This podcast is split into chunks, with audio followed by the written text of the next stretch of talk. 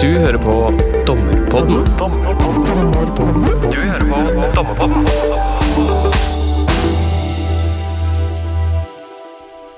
Velkommen til eh, dagens utgave av Dommerpodden. Mitt navn er Ragnar Lindefjell, og jeg er dommer i Oslo tingrett og vert for dagens episode. I dag skal vi snakke om spesialisering i domstolene. Det er et tema som er eh, aktuelt, og det er et uh, tema som er nokså stort, og det er et tema som ikke er helt ukomplisert. Uh, jeg tenkte først bare å, sette dette i et uh, Sette litt, det litt rare landet vårt i et, et slags perspektiv. Europarådet har en, laget en rapport fra 2018, European Judicial Systems, hvor vi får litt statistikk knyttet til hvor spesialiserte domstolene er i de ulike landene rundt omkring.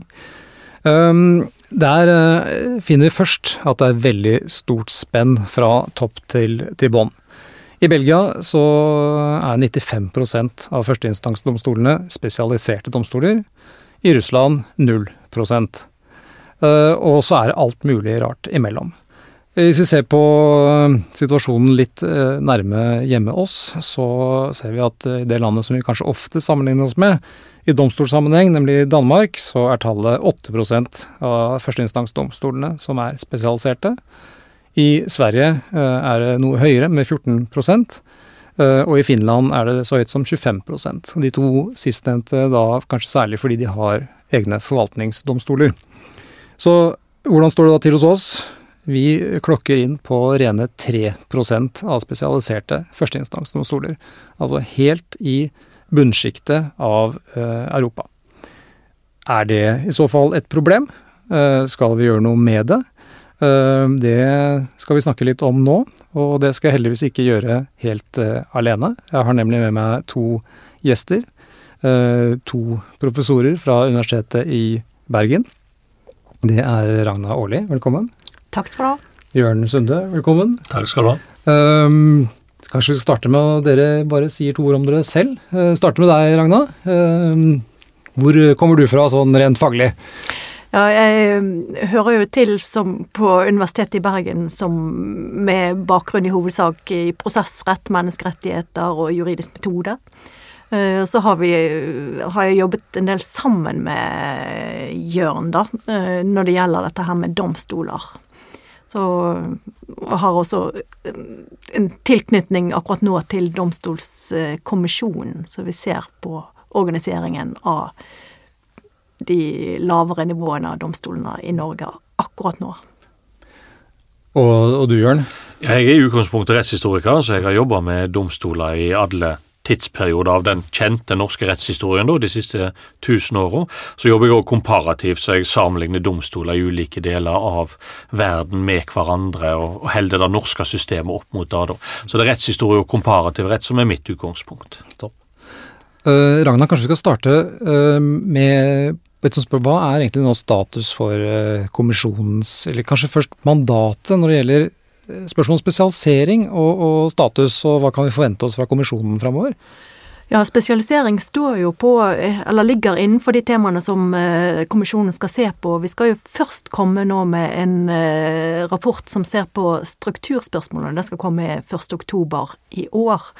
Eh, og når vi skal se på strukturen på norske domstoler, så er det jo et spørsmål om eh, mulighet for at dommere kan være spesialiserte. En tredjedel av domstolene våre har da eh, tre dom, dommerårsverk eller mindre, dvs. Si én fast ansatt fagdommer gjerne og to dommerfullmektiger. Og da er det jo, sier det seg selv at det er begrenset mulighet for å kunne spesialisere innenfor en så liten domstol. Så det er en av de store utfordringene som vi må se på. Liksom, hvis, hvis, det er ønskelig med mer spesialisering, så må vi også se noe på størrelsen. Det har det betydning for størrelsen på domstolen.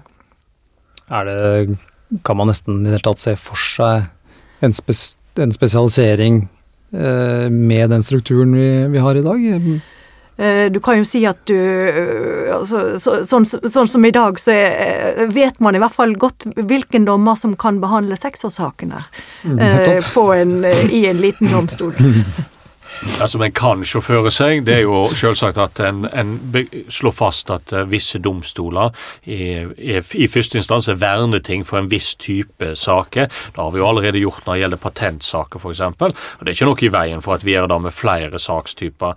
Allikevel blir små uh, domstoler et problem, for da vil du trekke enda flere saker ut av dem. Så jeg tror ikke du får noen form for spesialisering uten en omstrukturering av norsk førsteinstansdomstoler, men du kan oppnå en god del spesialisering uten store endringer. Og Desto større endringer du gjør, desto mer spesialisering kan du få. Ja. Ja, for det, for det, bringer oss egentlig til, til, det som kan være et slags første tema. Hva, hva, snakker vi egentlig om når vi snakker om spesialisering? Ikke sant? Det, det, som jeg sa innledningsvis, det handler jo om spesialiserte domstoler med særlig jurisdiksjon, type forvaltningsdomstol, en sø handelsrett som man har i Danmark f.eks. Mens, eh, mens opplever jeg vel at mye av diskusjonen vi har eh, her, går mer på spesialisering av dommere innenfor de fullfaglige domstolene. Eh, F.eks.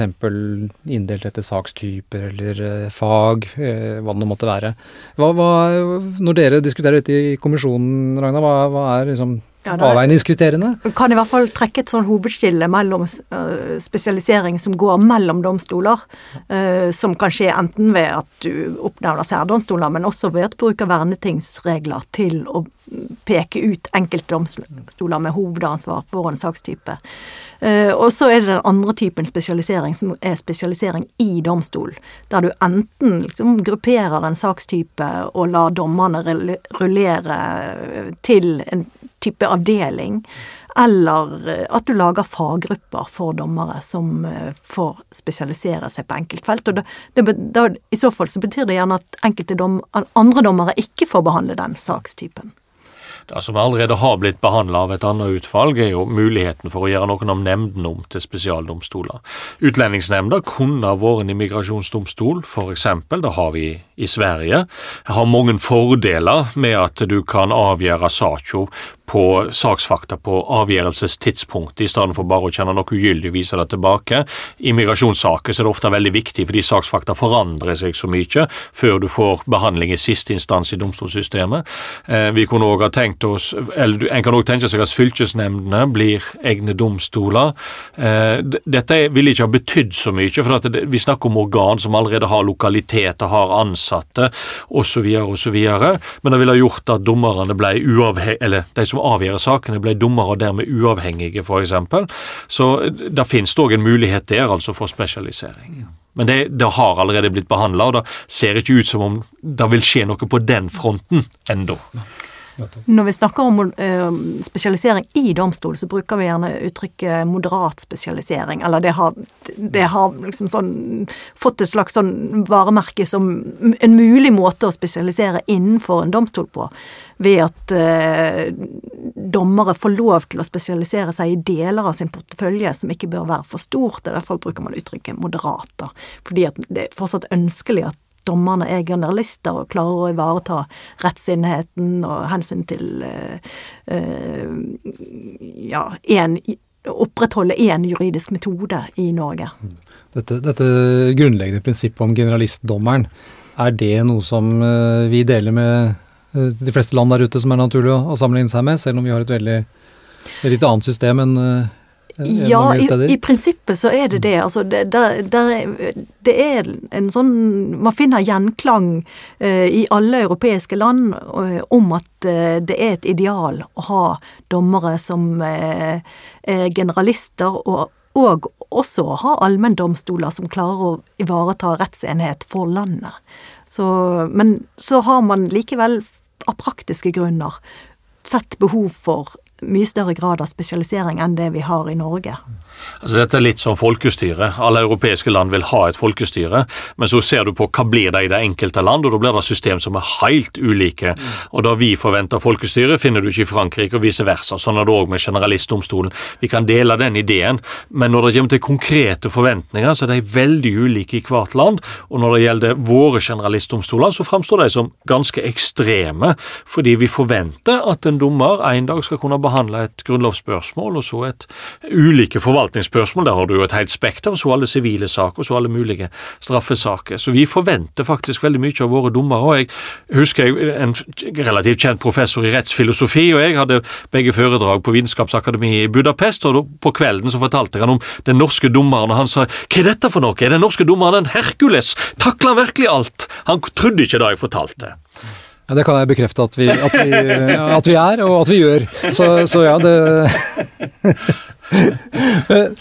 Hvis vi legger til grunn da, at det er, en hypotese om at spesialisering i en eller annen form er et gode, eh, eller vil føre til en forbedring, eh, ligger det litt implisitt i det at eh, det er et eller annet med dagens system som ikke optimalt? Altså, hva, Hvilket problem er det spesialiseringen egentlig skal løse? Er det noe, tenker man på det i kommisjonen f.eks., Ragnar? Eller, ja, hva, hva er på altså, en måte kan, de grunnleggende tingene her? Du kan si, altså, For det første så, så har man jo sånn behov for optimal utnyttelse av ressursene. Og eh, rettsreglene er blitt såpass kompliserte at det å tro at alle Enhver eh, kompetent dommer eh, kan behandle alle typer rettssaker like effektivt, det er kanskje litt uh, Ser man kanskje ikke på som helt realistisk lenger. Rett og slett fordi at uh, rettsreglene er for kompliserte, og den internasjonale retten eh, griper inn på så mange områder at det skal ganske mye til for å ha oversikt over alt. Jeg tenker, Jørn, er det, er det et rettssikkerhetshensyn her som ikke blir godt nok ivaretatt? hvordan vi er organisert i dag? Er det, er det en bekymring der ute? At ikke kvaliteten er god nok? Ja, altså jeg tror vi skal, vi skal iallfall gå inn og drøfte dette. For da hvis vi ser på altså 1980-tallet, da var domstolene i Norge slik de nesten hadde vært i et par hundre år fremdeles. Da hadde vi eh, ca. 350 dommere og ca. 1500 medlemmer av Den norske advokatforening. Nå er det, Vi nærmer oss vel snart 9000 medlemmer av Den norske advokatforening, og det er 500 dommere. Eh, og da, Den voldsomme veksten i advokatstanden har gjort at det innenfor den er naturlig med spesialisering. Og Det er jo spørsmålet skal vi kunne leve med at i en rettssal så er den med minst kunnskap dommeren. Vil vi da få et rett resultat, og har vi da rettssikkerhet? Må ikke dommeren være tilsvarende spesialisert som advokatene? Det er ikke sikkert at det er, rett, men vi må iallfall tillate oss å stille spørsmålet. Jeg tror ikke vi opplever på noen måte en krise i dag pga. manglende spesialisering i Norge. Men det er klart, samfunnet utvikler seg, retten utvikler seg, og vi kan iallfall føresjå at en del spørsmålsstillinger vil komme opp. Og da, da syns jeg svært høvelig at Domstolskommisjonen tar dette opp og diskuterer det. Det handler også litt om eh, altså, at vi har andre forventninger til arbeidslivet i dag enn vi har tidligere. Altså, også dommere forventer en viss sånn utvikling innenfor sin karriere. Og det å ha mulighet til å spesialisere seg er noe som mange altså, dommere tror jeg ser på som et gode. Eh, fordi at det, det, kan gi litt andre typer arbeidsoppgaver. Du, skal, du er ansatt som dommer resten av livet. Og um, det kan være greit å gjøre noen eh, variasjoner på, eh, i arbeidsporteføljen eh, over tid. Ja, nei, det, det kan jeg jo definitivt skrive under på for egen del. Da. Nå driver jeg og utdanner meg som podkastdommer, så det, det er min spesialitet ligger jo klar. Men, eh, men, eh, for å stille et alvorlig spørsmål, er dette på vegne av våre lyttere? Altså, er dette noe man, Har man spurt dommer om dette? Det, har man noe empiri på at dommer faktisk ønsker dette, eller er det en generell antakelse som man gjør seg? Altså Vi har litt empiri i den forstand at uh, vi har gjort et forsøksprosjekt Eller Domstoladministrasjonen hadde et forsøksprosjekt med moderat spesialisering i domstoler, der det var seks tingretter og to lagmannsretter som prøvde å la en gruppe dommere Eller la dommerne få lov til å spesialisere seg i deler av porteføljen. Uh, og erfaringene med det prosjektet var veldig gode. Dommerne hadde økt jobbtilfredshet, og man Altså, det, det var mange gunstige fordeler som, som var opplevd med, med det prosjektet. Uh, så kan du også si at vi har, vi har noen bekymringer som i forhold til å rekruttering til domstolene, som kanskje kan som der muligheten for spesialisering kan bidra til å være med og løse det, fordi at det er liten rekruttering til mange av de små domstolene der man ikke har muligheter til det i dag. Eh, så det, men eh, det blir jo En del av dette her blir jo antagelser om hva vi tror kan gi et bedre resultat totalt sett. Vi har ikke empiri på alt. For de av oss som ikke kjenner dette prøveprosjektet så godt, Sånn helt konkret, hva slags type spesialisering var det man forsøkte på? Hvilke sakstyper, hvor stort omfang var dette?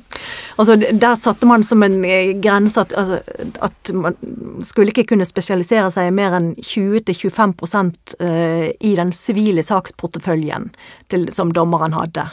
Eh, sånn at da var det jo begrenset hva man kunne spesialisere seg i, men og typisk område for spesialisering var f.eks. rettsmekling, eller det kunne være uh, andre typer uh, Altså, det, da har du en spesialisering i prosessform, men det kunne også være materielle saksområder. Uh, Ser man for seg at dette er noe man gjør en gang for alle? At man blir f.eks. Barne, barnelovsdommer, og så er man det, eller vil man rullere på det? Hvordan tenker man rundt det der? Jeg er ikke så sikker på om man har tenkt så mye rundt det foreløpig i Norge, men internasjonalt så har man tenkt at her bør det ikke Dette bør ikke låses fast, at det bør være en, en uh, utvikling over tid. Uh, fordi at man er redd for ved spesialisering at der utvikler seg isolerte rettskulturer. Og det er jo en særlig utfordring i Norge, som er et relativt lite land med få dommere. Um, og et lite juristmiljø, egentlig, totalt sett. At uh, det kan være en uh, utfordring med for mye spesialisering. Og i hvert fall hvis det ikke er noe rotasjon. Altså Dette er jo en av de tingene som har endra seg generelt med arbeidslivet, og det har òg endra seg med det å være dommer. Eh, før år 2000 var det vel ingen domstoler i Norge som drev med ulike forelesninger og seminar for å heve kompetansen til dommerne. Var du blitt dommer, så nesten forutsetter en at du sto i en slags direkte linje til Gud og fikk den kompetansen du hadde behov for til ethvert tidspunkt derifra. Eh, dette har jo endra seg voldsomt. Eh, og da at en òg i løpet av karrieren skal kunne spesialisere seg og prøve seg ut på ulike rettsområde. Da tror jeg er en del av framtida. Samfunnet, retten, endrer seg veldig fort. En skal huske på at eh, hvert år nå så stort, gjør Stortinget ca. 120 lovvedtak.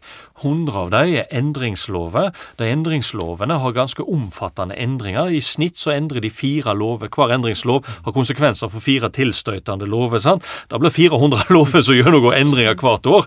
Eh, vi, vi snakker om at retten endrer seg. Og da er det ikke Så alt er i bevegelse uansett. Og da er det ikke heller unaturlig at du som dommer beveger deg litt i der, rundt i det rettslige landskapet. Mm. Jeg tenker meg å spørre deg om, Jørn. Du driver mye med komparativ eh, analyse av ulike lands rettssystemer osv. Dommerutdannelse har vi forstått ikke snakket om her, men, men, mange land har jo en, eh, en dommerutdannelse som ja. er både omfattende og, og langvarig. Ja. Og, og det du sier om at vi på 80-tallet så var det bare å hoppe rett inn, og så forventer man du kunne alt. Nå ja. er jo iallfall eh, et, et, et, eh, introduksjonsprogram som, som jeg syns er veldig bra.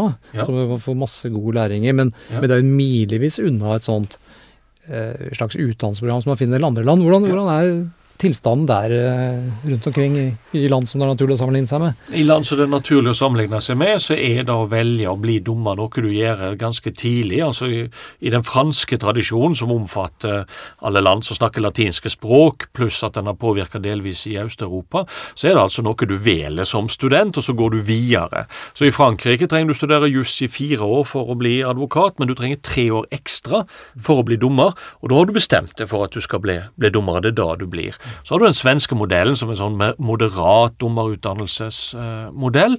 Så her, her finnes det flere modeller rundt i Europa. Akkurat der syns jeg vel at da vi har valgt i Norge, og fremdeles rekrutterer ganske bredt altså Du kan komme du kan være en sånn inhouse lawyer fra et næringsvirksomhet, eller du kan være fra offentlig forvaltning eller fra et advokatfirma, så kan du komme inn og, og bli dommer. Da tror jeg fremdeles er et, et, veldig bra ting ved det norske systemet. Vi har ganske brei dommerrekruttering. Men det er klart du trenger nok både da introduksjonskurs og en del oppfølging underveis, for å være dommer er annerledes enn å jobbe som jurist eh, i, i, andre deler av rettssystemet. Men for all del, se på hvordan det er i dag i et departement eller i et advokatfirma. Der òg og blir du ikke utdanna.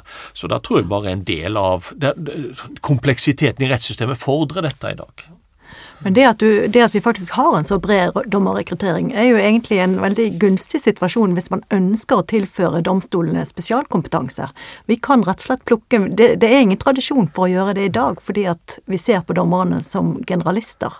Men vi kunne tenke oss i fremtiden at hvis man har en mer spesialisert domstol, at du ut, ved dommerutlysningen søker etter spesialkompetanse og henter det inn.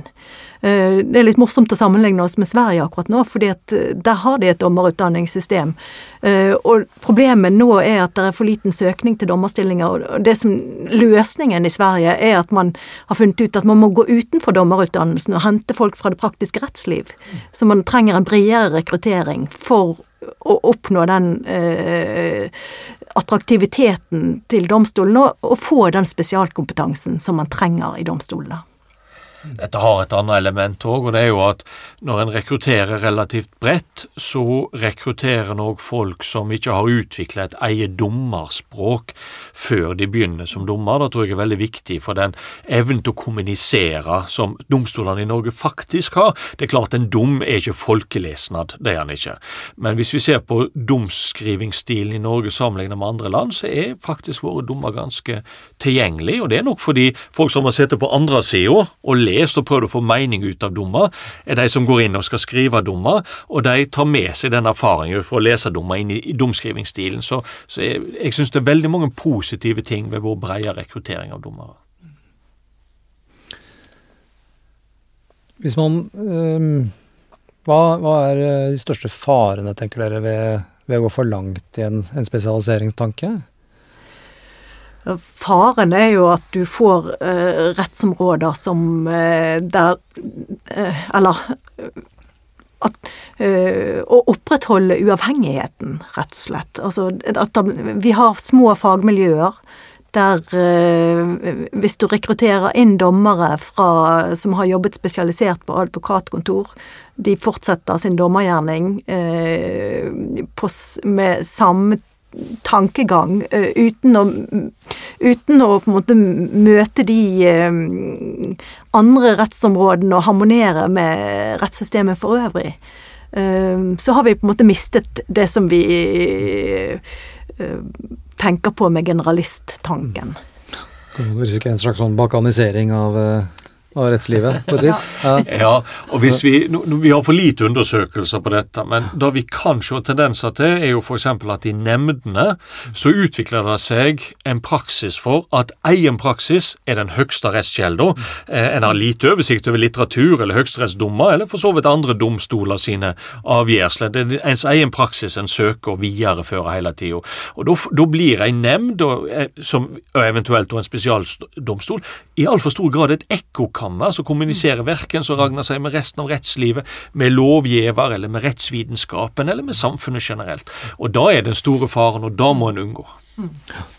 Ja, fordi litt i, i, kanskje i samme gata, altså norske domstoler har jo en ekstremt høy grad av tillit eh, i befolkningen eh, sett opp mot veldig mange andre land. Eh, er det, er det grunn til å sette det i sammenheng med noe av det dere snakker om nå? Tror du det? kan man ha en hypotese om det? At det har noe med hvordan vi er organisert å gjøre? Eller eh, gjetter jeg bare. Det er veldig vanskelig å egentlig finne, peke på klare årsaksfaktorer ja. til at vi har den høye tilliten til vi har. Vi har altså befolkning, norske befolkningen har generelt høy tillit til uh, offentlige institusjoner. Så, øh, og hva den tilliten egentlig hviler på, øh, om den har blitt prøvd Det er veldig få som har hatt saker for domstolene som egentlig har fått testet tilliten sin. Ehm, så, så det, man, man, burde altså egentlig hatt eh, spørreundersøkelser fra de som faktisk har hatt saker i domstolen, parter. Eh, da ja. har man kanskje fått eh, et mer nyansert bilde, muligens. Ja, det kan godt være. Kanskje noe avhengig av utfallet av saken òg, muligens, hvis ja. jeg skal våge meg på en hypotese der. Ja, det, det er det flere ting å si. Det ene er at jeg tror det, det er veldig viktig at da at vi har høy tillit, har gjort at vi ikke har hatt et stort krav om spesialisering. For spesialisering er ofte et tillitsskapende tiltak.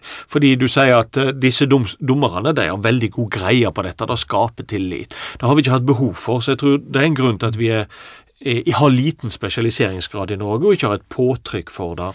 Eh, om det skal være en grunn til at vi ikke skal ha spesialisering, det er jeg litt usikker på. Eh, nettopp fordi av alle de undersøkelser som er gjort, og det er gjort ganske mange rundt omkring i Europa etter hvert, så er det ingen som gir oss den konkrete eh, kunnskapen, og de er altfor dårlige på den måten at du nettopp, som vi har vært inne på nå, du måler ikke både de som bare betrakter dette utenfra, de som er innenfor systemet, de som har tapt en sak, de som har vunnet en sak. altså Vi skulle hatt undersøkt dette mye, mye bredere. Så Foreløpig så nøyer jeg meg med å konkludere at dette har vært en grunn til at vi ikke har fått spesialisering. Jeg vil ikke si at det er en grunn til at vi ikke skal få det. For da har vi for lite kunnskap til å gjøre det til et moment for. Altså, kan si, I sivile saker der uh, folk til en viss grad har et valg om å velge å bruke domstolen eller ikke, så møter vi dette argumentet fra uh, næringslivet uh, om at man ikke har tillit til at dommerne har tilstrekkelig kompetanse på næringslivsjuss, og at man derfor heller velger voldgift. Mm. Så sånn sett kan du si at der blir på en måte tillitsargumentet et argument for spesialisering. Ja. Det. Og da handler det om da, kvaliteten på avgjørelsene, da. ikke mm. sant. Eh, dommernes fagkompetanse, egentlig. Mm. Det som òg er jo vokser fram, er jo en dels felt som er mer spesialisert enn før. F.eks. konkurranserett er et voldsomt spesialisert mm. og et veldig stort felt. Mm. Det er vanskelig for en dommer som har tre fire konkurranserettssaker i løpet av et år til å komme inn i det feltet. Da er spørsmålet om du ikke må nettopp ha spesialiserte dommere. Så er det viktig å gå inn og spørre seg når har vi et sånt felt, og når har vi det ikke? For jeg tror ikke alle felt trenger spesialisering, og langt derifra, men det er nok noen som trenger det. Så er det vel også et poeng at uh, vi har en del sakstyper etter hvert i domstolene der det ikke bare juridisk-faglig kompetanse som er av uh, særlig betydning, men også en del sånn uh, utenom juridisk-faglig kompetanse, som f.eks. i barnesakene. at det Da kan det være behov for at ikke nødvendigvis alle dommere håndterer den typen saker, men de med en spesiell eh, erfaring og bakgrunn fra den typen saker, og kanskje interesse for eh, de utenomrettslige utfordringene som den typen saker har. Og Da kan vi gå videre til meklingssakene, som er typisk saker der du trenger én type rett og slett personlighetstype, kanskje. Den litt utadvendte, den som prater lett med folk, gjør at folk føler seg sitt osv. Så, videre. så kan vi tenke oss småkraftprosess småkraftsprosess som kan nesten gjennomført digitaliseres, der du ikke trenger møte partene. Kanskje det er noen som passer veldig godt til å behandle den typen saker. Og Da gjør det det igjen mer attraktivt å bli dommer, for du kan søke deg inn mot, mot eh, praksiser i domstolen der du føler deg mer bekvem, rett og slett, og føler du får brukt mer av deg sjøl og er dyktigere i jobben din. Hvis du skulle skulle ta litt av absolutt alt. Mm. Ja. ja. Samtidig som at du da drar den for langt igjen, så, så blir det vel fort en sånn, Det kan bli litt statisk, ikke sant. Hvis du, ja. du er den utadvendte, så skal du bare sitte og ha rettsbehandling. Hvis du er han litt ja, introverte, så blir det mye digital behandling av småkrav.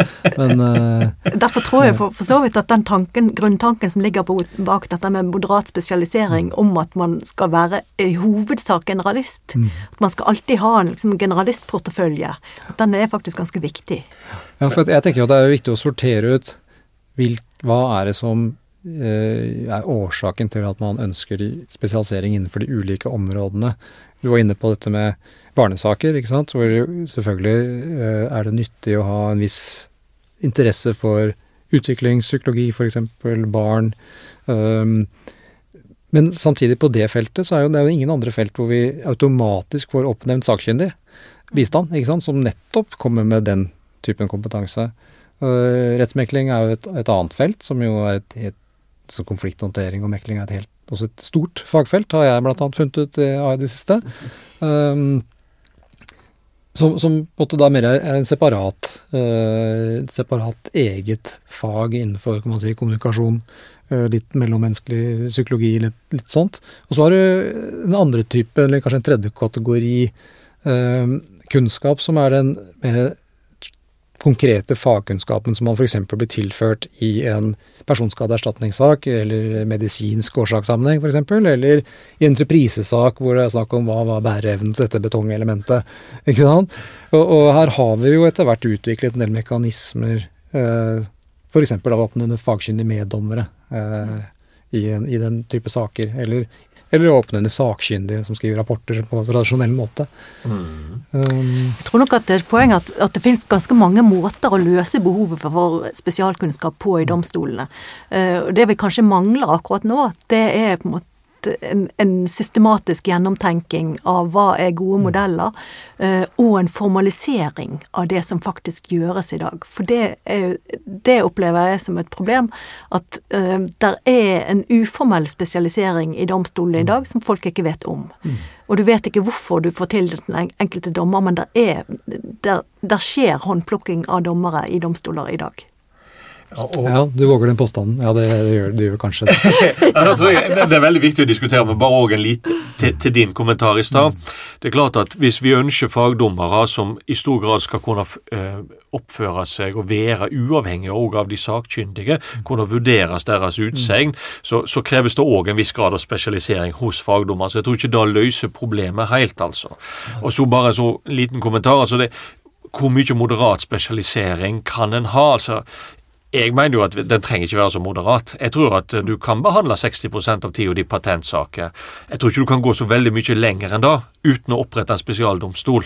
Så, eh, så, men, men, du kan ha en god del spesialisering. Men, men, jeg tror det er viktig å ha Sånn som det norske systemet er bygd opp, så er det fremdeles viktig å ha en del av de andre sakene for å se helheten i ting, og ikke gå det vill i ditt spesielle område. Jeg, jeg, det har veldig god gjenklang hos meg, akkurat det. Men, eh, men nå er jeg sikkert jeg er subjektiv og sitter midt oppi det, så Hva tenker du om det, Ragnar? Jo, jeg syns også at det er fornuftig. og det er, altså, det er, vanskelig å sette noen tallmessig grense på dette her med moderat spesialisering. Men man kan vel ikke kalle det moderat hvis det er over 50% tenker jeg. Nei. Men så er det spørsmål hvor lavt du kan gå og kalle det spesialisering. Så her må en gå ting litt til. og når blir du det? Sant? Hvor mange ja, Det er et godt spørsmål. Hvor lang erfaring må du ha før du kan Hvordan med tillit gå ut i dette, da, dette markedet som du f.eks. nevnte med ja. uh, kompliserte saker på formuerettens område. sant? Uh, hva krever man da av bakgrunn? Første erfaring før du blir dommer. Og hvor mange sånne saker skal du ha? Hvor mange saker om regressrett i solidarisk forhold fins det der ute? Uh, ikke sant? Uh, det, det, er jo det er interessant. Og hvem skal bestemme da hvem, mm. hvilke av dommerne skal få lov til å være i de, og hvor lenge skal de være der? Uh, kommer kommisjonen til å hjelpe oss med, med alle disse konkrete spørsmålene, eller blir dette overlatt til domstolleders skjønn? At mye kommer til å bli overlatt til domstolsadministrasjonen når det gjelder detaljer på dette mm. feltet. Ja. Det... Men, det, men, det, må være interessant også i et litt bredere perspektiv, altså dette med, med transparens f.eks., In, innsyn i prosessen. At man, offentligheten antar jeg har en interesse av å, uh, at det er nokså klare regler for hvem skal bli spesialister på hvilke felt, uh, hvor lenge er de det, osv. Hvordan tildeles sakene innenfor en ja. domstol med tre spesialiserte dommere på et eller annet. Ja, og det er da som Ragnar tar opp veldig viktig. Jeg tror nok at hvis du stoppet folk på gata i dag og spurte hvordan de tildeler en sak, så ville jeg trodd at det er helt tilfeldig. Og det er det jo ikke. Eh, og da vil jeg, har òg hørt sorenskrivere som sier at da ville det ha vært et rettssikkerhetsproblem om det var helt tilfeldig, for du skal ha en viss kompetanse når du får ei sak. Eh, og, og, da å få løfta dette fram og diskutert, og ikke minst at dommerne deltar i den diskusjonen. For de, de må bli med, invitert med på dette. Det tror jeg er fryktelig viktig. Mm.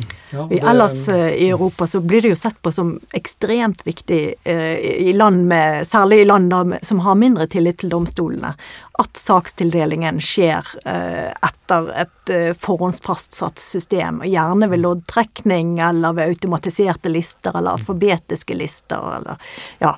Eh, så, så, sånn sett, i europeisk sammenheng så kommer Norge veldig dårlig ut når det gjelder forutberegnelighet for eh, folk flest med hensyn til hvordan sakene tildeles.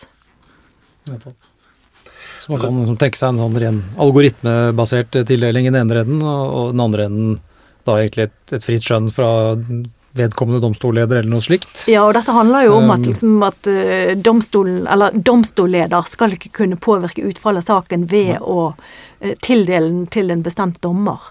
Uh, og du skal kunne unngå korrupsjon. Nå kan du si at- jeg, jeg må si at i, For Oslo tingretts del så er det min erfaring at vi er så mange dommere at jeg opplever kanskje i min hverdag at det er tilfeldig hvilke saker jeg får. Eh, men, eh, men det er klart det må jo være en utfordring eh, antagelig i, i de litt mindre domstolene. Ja, du kan si at i, i de bitte små domstolene som vi har, med, med tre dommere og én dommer som er i stand til å ta seksårssaker, så er det jo ikke tilfeldig hvem som får den saken. Så man vet godt hvem man skulle bestukket hvis man ville forsøkt seg på det. Så korrupsjonsfaren er egentlig et argument for sammenslag, er det du sier, Regna? Ja, Jeg skal ikke legge ord i munnen på deg. Nei, nå, nå skal jeg huske altså, Men, men det, det er- jo det mer alvorlige altså er jo at det, det, vi kan jo le om det, ikke sant? fordi vi har så høy tillit. Mm. og, og et såpass ukorrupt og velfungerende samfunn. Men vi skal ikke så fryktelig langt sørover før eh, disse systemene er under ganske tungt press. Da. Så, Ja. så man skal jo kanskje prøve å forsøke å sy opp algoritmene våre for den dagen hvor det ikke er nødvendigvis er så enkelt. Ja. Altså det er En ting som har vært en sånn garantist i Norge mot korrupsjon, er faktisk lekmannsinnslaget. For da, at det gjør det vanskeligere å altså, du, du kan bestikke fagdommer, men han er ikke i flertall likevel. Og da å bestikke flere er veldig risikabelt, for en eller annen kommer til å plapre. Så, Så, så, så det har gjort at vi faktisk bekjemper korrupsjon i domstolene allerede på begynnelsen av 1700-tallet. Vi i lag med England, et av de systemene i Europa som har lengst historie med å være ukorrupt. Eh, sånn at eh, lekmannsinnslaget det er en grunn til at vi skal være forsiktige med å bygge det for mye ned, for det har vært viktig i vår sammenheng. Men, men så til det du sier, det er klart at en av, altså når, når du fikk den maktovertagelsen og over domstolene i Ungarn så raskt, så var det annet fordi en effektivt skaffa seg kontroll over domstollederne. En fikk utnevnt sine egne domstolledere i 40% av domstolene, og etter et par år så var det over 60% og så hadde de makt å allokere saker. Ergo så fikk du, trengte du ikke bytte ut hele dommerstanden, for at eh, de som ikke var lojale til regjeringa, de fikk bare sånne trafikksaker likevel. Så tok du de andre sakene til de som du følte var politisk lojale. Sant? Sånn at vi, vi skal være veldig forsiktige med å gi domstolleder for mye makt å allokere. Hvis vi tenker oss Helt utenkelig, selvsagt, men altså NS sin maktovertagelse 1940-42, eh, så hadde de sluppet med å bytte ut mange færre dommere og bare tatt domstolslederne i en norsk kontekst. Ja, ja, nei, og selv om ikke det er noe realistisk scenario i dag, nei, så, så handler det jo om eh, også det at å opprettholde den tilliten ved at systemene er robuste nok til å kunne håndtere også situasjoner som i større eller mindre grad eh, påfører systemet stress. Ja. Ikke sant? Ja. ja. Mm. Ja da, det handler om å rigge systemet sånn at det blir eh, måtte, robust eh, f- i forhold til hvem som eventuelt får, sitter i de ulike stillingene.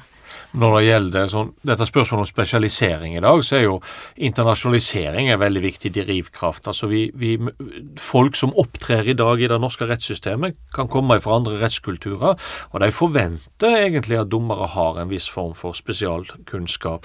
Eller at det som hos oss er nemnde, og som har full tillit blant norske borgere, er faktisk domstoler med uavhengige doms, eh, dommere. Det er et av problemene med fylkesnemndene i dag, fordi eh, vi har en relativt stor immigrasjonsbefolkning, og ikke minst fra andre europeiske land, som forventer at et spørsmål om eh, foreldreansvar etc. etc. skal avgjøres, eh, eller ja, overtakelse av foreldreansvar. Omsorgsovertakelse. Ja, eh, ja, unnskyld, ja, takk. ja. eh, skal, skal avgjøres av uavhengige dommere, ikke bare av en nemnd f.eks. Men så har du òg spørsmål om, spesiali eh, om spesialisering knyttet til patentsaker, som vi allerede har fått i Norge. Og Det er jo fordi næringslivet har en forventning om spesialkunnskap når en skal behandle så store, komplekse og økonomisk viktige saker.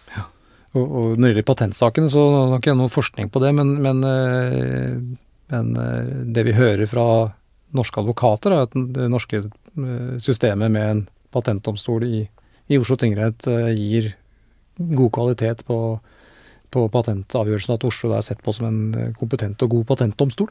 Eh, sånn, til det der med å gjøre seg attraktiv. Mm.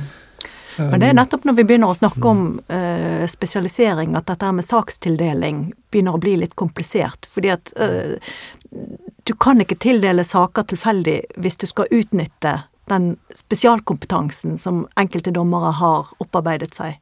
Uh, og så poenget da at da må du ha hvis, ikke, hvis ikke systemet da skal virke rigget ut, sett utenfra, så må du ha en, en gruppe av dommere som har den samme type kompetansen. Eh, og det er en utfordring når du kommer til skal dekke hele Domstols-Norge. Ja, og da må den gruppen være stor nok at den tilfeldigheten blir reell. Og hva snakker vi om da? Titalls dommere, eller? Ja, vi vi snakker vel Må være det. Ja. Noe sånt? Eh, Det er vel det som eh, Domstoladministrasjonen antydet åtte til ti dommere tidligere. Nettopp. Eh, og da, da kommer vi jo inn på hvor mange sivile saker behandler egentlig en slik norsk dommer i, i året, ikke sant? Det har ikke jeg tall på i huet, men det kan jo være noe sånn et eller annet sted mellom eh, 30-40 kanskje, Uh, muligens. Um, på alle saksfelt, egentlig. Um, ja. Og, og, og så ser vi samtidig Du nevnte du tallet nemnder, Jørn? 43 eller noe sånt? Nei, 54 offentlige nemnder 54 pluss offentlige nemnder. 21 private. Ja. Og, og de nemndene de behandler jo et veldig stort antall saker, ikke det? Ja, enormt. Altså, eh, hvis vi Jeg har undersøkt nøye personskadeerstatningssaker, og da behandler nemndene ca. 16 000, mens det totale tallet på sivile saker for norske domstoler er 18 000. Det er i første instans. Det betyr at uh, hvis vi da tar, legger til Utlendingsnemnda, som kanskje behandler 20 000 saker i året, og så tar vi forbruker, eller det som nå heter Finansklagenemnda f.eks., og så, sånn, så kommer vi opp, av, opp i et tall som er iallfall over 50 000 sivile saker behandla om nemnder utenfor domstolene, og det er bare et par tusen av som kommer inn i domstolene som sivile saker igjen. Og, og hva er grunnen til at man har satt bort så mange av de privatrettslige og for så vidt også offentligrettslige tvistene våre til nemnder i utgangspunktet, egentlig? Ja, og det, for all del det er utvikling som, er, som ikke er så gammel. Den er, akselererer for alvor på 1990 og inn på 2000-tallet, så det er ganske nylig utvikling. Eh, den er ulik andre land. Det er ingen nemnd, land som har så mange nemnder som oss, men du, du finner òg i de andre nordiske landene, for all del. Men vi, vi går av med seieren her når det gjelder utenomrettslig behandling av saker. Eh, hvis du bare ser på Danmark, f.eks., så er antallet sivile saker ganske mye høyere, selv om befolkningen ikke er så mye høyere. Eh, Nei, altså det er av at vi òg har hatt en ganske stor sånn auke i kostnader med å føre ei sak. Det har jo ikke noe med rettsgebyr og slike ting å gjøre. Det har jo med da å bruke en prosessfullmektig som er ganske kostbart i Norge. Vi har, vil noen fra en EU-synsvinkel iallfall si, for lite faktisk konkurranse blant eh, advokater, som gjør at prisene er ganske høye, og som igjen gjør at folk foretrekker å løse ting for nemnda. Og selv om de er uenige, så er kostnaden med å ta noe inn for en domstol det er for stort at du tar det steget. Så eh, der spør, altså, da har Domstolskommisjonen, da, da ser de jo ikke på noe sånt, men dette er en ganske sånn alvorlig utfordring for rettssikkerheten, for access to court, altså tilgang til domstolsbehandling. Det er ikke bare et spørsmål om domstolen er der, men òg om det er økonomisk mulig for en stor del av befolkningen å føre en sak for en domstol. Det er det ikke lenger, altså. Da er nemndene det beste alternativet, men dessverre òg kanskje det eneste. Å anke, eller anke, det er jo ikke anke, men å ta saka etter en nemndsbehandling inn for en domstol, det er en stor bøyg for veldig mange økonomisk. Ja, fordi man kunne jo da hatt en hypotese om hvis, et, hvis en av utfordringene med å få til moderat spesialisering er at sakstilfanget er for lite, Ja.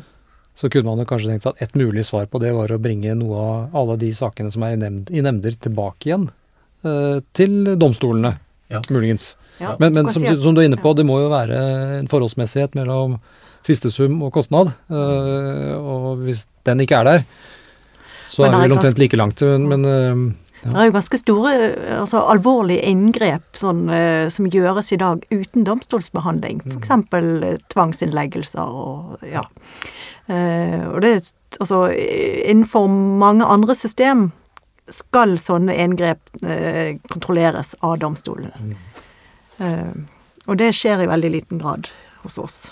Jeg tror en ting en har glemt, det er jo at en har vært opptatt av å få både det offentlige sin, sine utgifter med konfliktløsning, men òg private parter sine utgifter med konfliktløsning, og få de lågest mulig. Og det er veldig viktig. Men det vi glemmer, er at hvis en skal ha evne til å drive politikk på et felt, eh, så må en òg ha domstoler som lojalt følger opp lovgiver sin intensjon. Som sagt, det som skjer i nemndene i altfor stor grad, at nemndene blir opptatt av sin egen praksis, og så begynner en etter hvert å leve litt sitt eget liv. Jeg tror nok domstolene, med all den offentlighet som er rundt domstolsbehandling, da tenker jeg både på de muntlige forhandlingene som er åpne, eh, dommene osv., så, videre, eh, så, så, så tror jeg en får en større grad av lojalitet til lovgiver, og det er veldig viktig, for da får du en effektiv politikk. Da får du ikke, hvis dette i for stor grad blir mer en forvaltningsmessig behandling på et kontor. Tidligere sorenskriver for uh, Oslo tingrett, Geir Einbrechtsen, han presenterte budsjettutviklingen for domstolene som en ekogen til en død mann. uh, og, det, og, det, er noe med liksom sånn at ressurssituasjonen i domstolen har vært presset, og den har vært presset i veldig mange år. Uh, og det gjør også at altså, man har vært veldig redd for å tilføre domstolen oppgaver som må løses raskt. Mm. Fordi at man har liksom tenkt at dette her eh, kommer ikke domstolen ha, til å ha kapasitet til å gjøre. Eh, så, og det er et spørsmål om hvor billig, altså, hvor billig kan et domstolssystem eh, egentlig være? Mm. Eh, hvis det er politisk vilje til eh, at alvorlige inngrep i enkeltpersoners liv skal prøves for domstolene, så må domstolene også tilføres ressurser for å løse den typen oppgaver. Det er lett å være enig i det siste der, ja. ja, altså der er det, Vi er jo i en situasjon der i for, forhold til bruttonasjonalprodukt, ja. Eh, så er vi på bunnen i Europa, faktisk, når det gjelder bruk, penger som vi bruker på domstolssystemet. Så eh, jeg tenker av og til at uh, en kan jo selvsagt se på, på domstoler som en utgiftspost, for det, for det er de. Eh, en har aldri tjent penger på, på domstoler. Men Spørsmålet er hvordan en indirekte tjener penger, altså, sant? For, for, samfunnet til å flyte, opprettholde tillitsnivå, alle sånne ting. Eh, og Det er en annen historie det er å se på dette som investeringer som betaler seg av andre budsjettposter.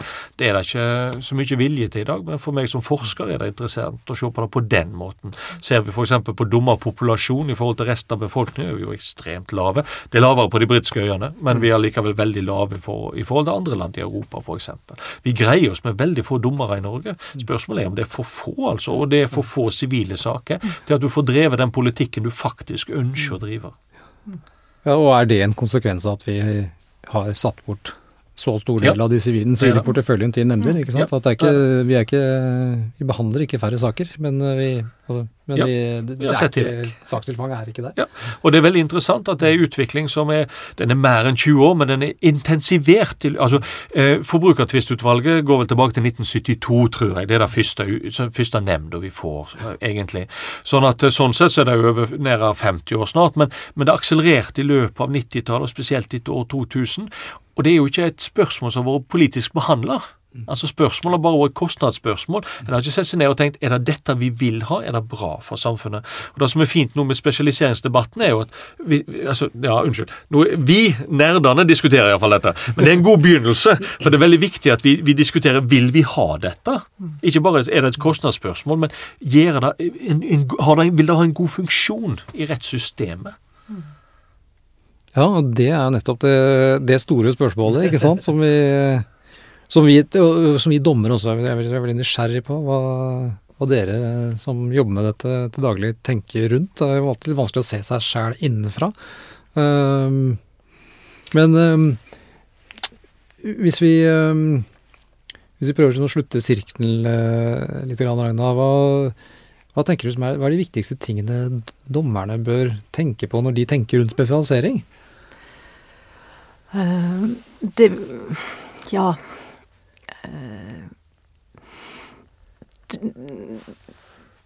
det er et godt spørsmål. Altså, hvis man skal prøve å samle disse her trådene igjen nå, så tenker jeg liksom sånn at det er viktig å tenke på hva, hva, hva, vil man? Hva vil man oppnå med spesialisering?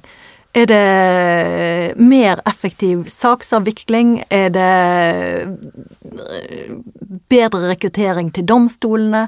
Er det å tiltrekke seg andre parter eh, som ikke kommer til domstolen med sakene sine? Det kan egentlig være ganske mange forskjellige motivasjoner for spesialisering. Og jeg tror det er viktig å tenke litt bredt her.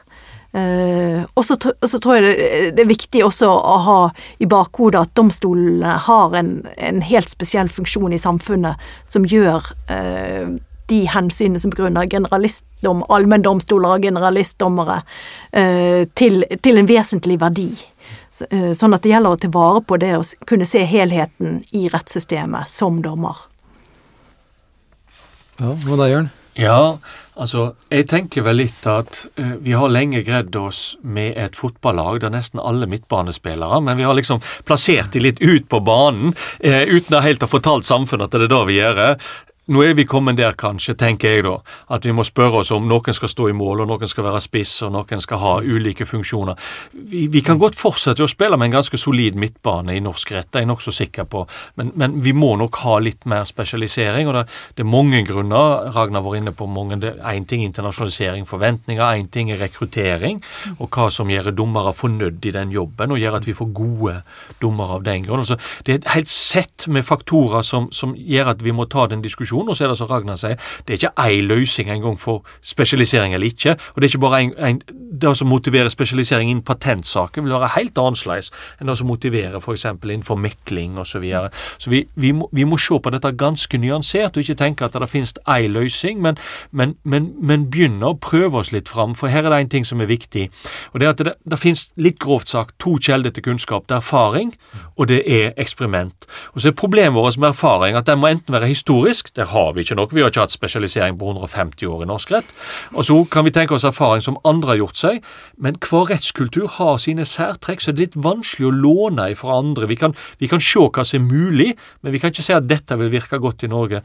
Da er vi faktisk nødt til å eksperimentere litt. Det er problematisk i jussen, og det betyr at jeg tror ikke vi skal si at sånn skal vi gjøre det, men vi må prøve oss litt fram. Og prøve ulike modeller, og se hva vi får til å fungere. Innhente erfaring hos sjøl, og så gå litt bredere ut og, og, si at nå vil vi prøve dette som en norsk modell. Uh, jeg har bare vært på ett uh, nordisk dommerseminar. Uh, jeg har ikke vært dommer så mange år.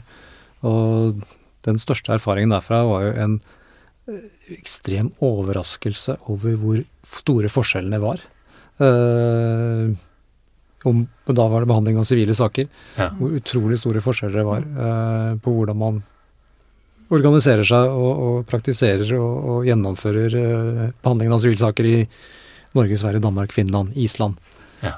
Så jeg kan jo bare begynne å tenke meg hvor ulikt det er rundt omkring ellers også. Så det tror jeg du har helt rett i, Jørn. at det blir nok et litt sånn eksperiment man i stor grad er nødt til å gjøre i eget hus. Mm. Og den uh, Det er vi jo nå i ferd med. Uh, Domstolskommisjonen holder jo nå på å jobbe med dette. I Oslo tingrett så har dere i dag vært og snakket for oss om temaet, og vi skal fortsette å, å, å snakke om det internt i tiden som kommer. Og jeg tipper at stort sett alle av våre kolleger kommer til å snakke om dette på, rundt lunsjbordene i i, i det nærmeste fremtid. Eh, sånn litt avrunding, eh, Ragnar. Kan vi, når kan vi vente oss eh, noe fra Domstolskommisjonen på, på dette? 1.10 kommer delrapporten om strukturspørsmålet. Og i strukturspørsmålet så kommer vi også til å ta opp Altså så har spesialisering betydning. Så det vil bli berørt i den første delrapporten. Den eh, sist endelige rapporten kommer ikke før i eh, august 2020. og da vil det nok bli bredere diskusjoner, knyttet, særlig knyttet da til altså det prinsipielle spørsmålet om domstolenes uavhengighet. Sånn at noe kan vi vente oss om da inn i dette året. og så kommer jo da den siste rapporten i 2020. Ja. Og så uh, betyr jo ikke det nødvendigvis at det skjer noe på bakken. Uh, men, si men, men og det, var liksom Da, ja, da lurer jeg litt på hva kan man gjøre? Ja. Hvilke eksperimenter som Jørn er inne på, hva kan man iverksette i mellomtiden her? Altså Egentlig så har domstolsleder ganske stor frihet etter mm. loven mm. til å, å tildele saker, så lenge det skjer Altså, altså det, det, som er viktig, er at man skal holde seg innenfor overordnede normer eh, om eh, intern uavhengighet. Mm. Og det vil si at det må skje etter forhåndsfastsatte objektive kriterier. Men innenfor de rammene så eh, er det egentlig fritt frem til å gjøre en del prøveprosjekter. Og du kan si at det at Domstolskommisjonen jobber med dette her, betyr jo at det, det er meningen, altså det er politisk vilje til at det skal skje en reform av domstolene. Og det skaper et mulighetsrom som det gjelder å benytte. Og jo mer erfaring domstolene selv klarer å bygge opp i denne perioden, eh, og som man kan vise til, eh, vil være av det gode. Så her kan det tenkes at hvis vi gjør smarte ting selv, så kan vi få, få litt drahjelp, muligens? Hvem vet? Ja. Ehm, flott. Jeg eh, lurer på om vi begynner å nærme oss veis ende, folkens. Jeg tror vi har snakka sammen en liten times tid. Eh, jeg er helt sikker på at eh, dere har gitt alle mine kolleger som hører på dette, masse å tenke på og snakke om. I hvert fall gjelder det for meg. Så jeg vil gjerne si tusen takk for at dere kom i studio og deltok på denne episoden av Dommepodden. Takk for at vi fikk komme. Takk for at vi kom. Du har hørt på Dommerpodden. Dommerpodden er en podkast fra Norges domstoler, og er først og fremst ment som et kompetansetiltak for dommerne. Foreløpig er dette et eh, prøveprosjekt, og vi som lager podkasten, er interessert i å høre hva du syns. Hvis du har ris, ros eller forslag til temaer eller folk vi kan prate med, så blir vi glad for å høre fra deg. Send en mail til podkast at domstol.no, og gi oss en mulighet til å bli bedre. Ha en god dømmende hverdag så lenge. Vi høres.